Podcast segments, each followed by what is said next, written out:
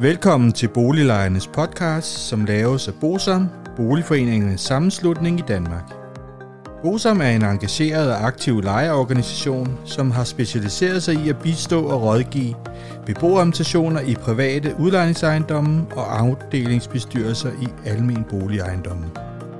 Formålet med Boliglejernes podcast er at informere lejerne om nogle af de problemstillinger, som vi ved, at mange lejere ofte spørger om samt at give mulighed for, at nogle aktuelle problemstillinger bliver belyst ud fra et lejerperspektiv. Boliglejernes podcast er lavet af lejere til lejere.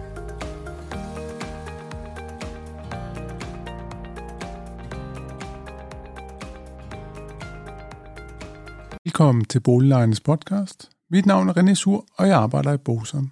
I dag skal afsnittet handle om den indvendige vedligeholdelseskonto. Og det er jo sådan, at det er kun nogle lejere i privat udlejning, der har en vedligeholdelseskonto. Og I kan sådan set alle sammen finde ud af det ved at gå ind i paragraf 8 på side 4 af jeres lejekontrakt og se, om det er udlejeren eller lejeren, der har den indvendige vedligeholdelsespligt.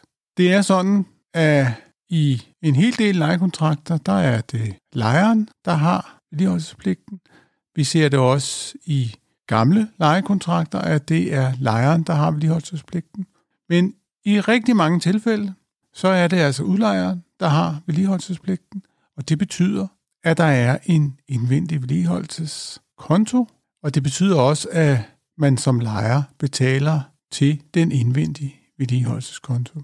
Når man så har fundet ud af, om man har en vedligeholdelseskonto, så kommer spørgsmålet selvfølgelig, hvad kan jeg bruge den til? Og der er det jo så heldigt, at lejeloven kan hjælpe os, og der kan vi jo se, at i paragraf 111, styk 2, der er den indvendige vedligeholdelseskonto defineret, fordi det er vidning, maling, tapetsering og behandling af gulve. Og så vil den opmærksomme lytter, som har været med i det her game et stykke tid, sige, hov, der plejer ikke at stå behandling af gulve, men det er en præcisering, som er kommet ind i lejeloven. Så nu er det behandling af gulve, ikke, og ikke kun lakken, som der er en del af den indvendige vedligeholdelse. Det er også værd at sige, at den indvendige vedligeholdelse, det er altså vedligeholdelse i det enkelte legemål, og ikke en del af den øvrige del af ejendommen, for eksempel ejendommens fællesarealer. Og det betyder også, at når nu den indvendige vedligehold, den omfatter altså vidning, maling, tapetsering samt behandling af gulve, så betyder det også, at alle andre vedligeholdelsesarbejder hører til den udvendige vedligeholdelse, selvom det altså er inde i legemålet. Og der kan man jo sige, at begreberne indvendig og udvendig vedligeholdelse, det er måske lidt misvisende. Men øh, det er sådan, som, som det er lavet i lejeloven. Nu er det sådan, at vi jo i forbindelse med, hvad man kan bruge den indvendige vedligeholdelse til, bliver spurgt om en helt del ting. Det er sådan, at hvis man har over tre års hensættelser stående på den indvendige vedligeholdelse, så har man nogle yderligere muligheder. Det vil sige, hvis lejligheden er velvedligeholdt, fordi det er det, som kontoen skal bruges til.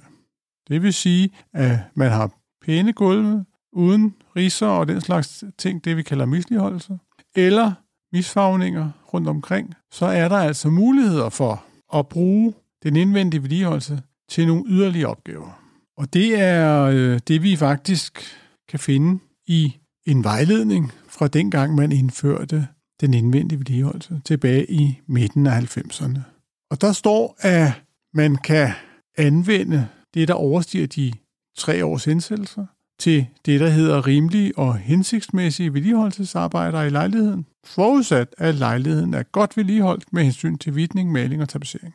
Der står også, at det beror på en konkret vurdering, hvilke arbejder, der kan ses for rimelige og hensigtsmæssige, men at der med den her mulighed især at tænke på arbejder, som giver lejeren en bedre komfort, hvorimod løbende vedligeholdelsesarbejder fortsat afholdes af udlejer som en del af den udvendige vedligeholdelse.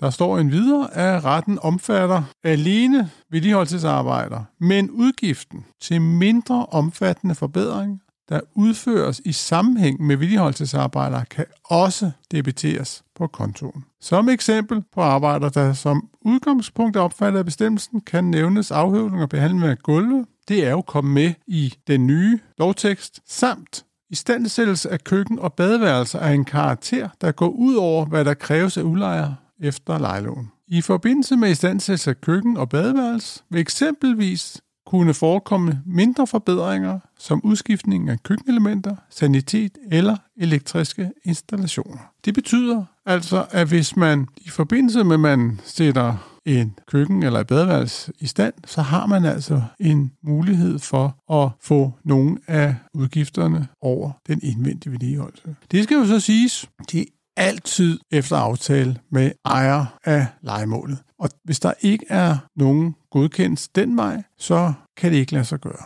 Hvis vi skal se, hvad der står i Boliglejret, det er en lærebog om lejeretten, så kan vi se, at der skrives, at udførelse af deciderede forbedringsarbejder bør næppe finde sted under denne regel, men hvis parterne aftaler udførelse af en forbedring, der afholdes over vedligeholdelseskontoen, kan det være gyldigt, fordi alternativet for lejer er betaling af en permanent forbedringsforholdelse, og at lejeloven alene forbyder aftaler, der er til skade for lejer. Og det er det jo ikke i det her tilfælde, fordi alternativet var jo, at lejer for eksempel skulle betale for en ny bordplade. Og det kan man jo ikke sige, at man kan få lov at bruge den indvendige vedligeholdelse, kan jo ikke siges at være til skade for lejer.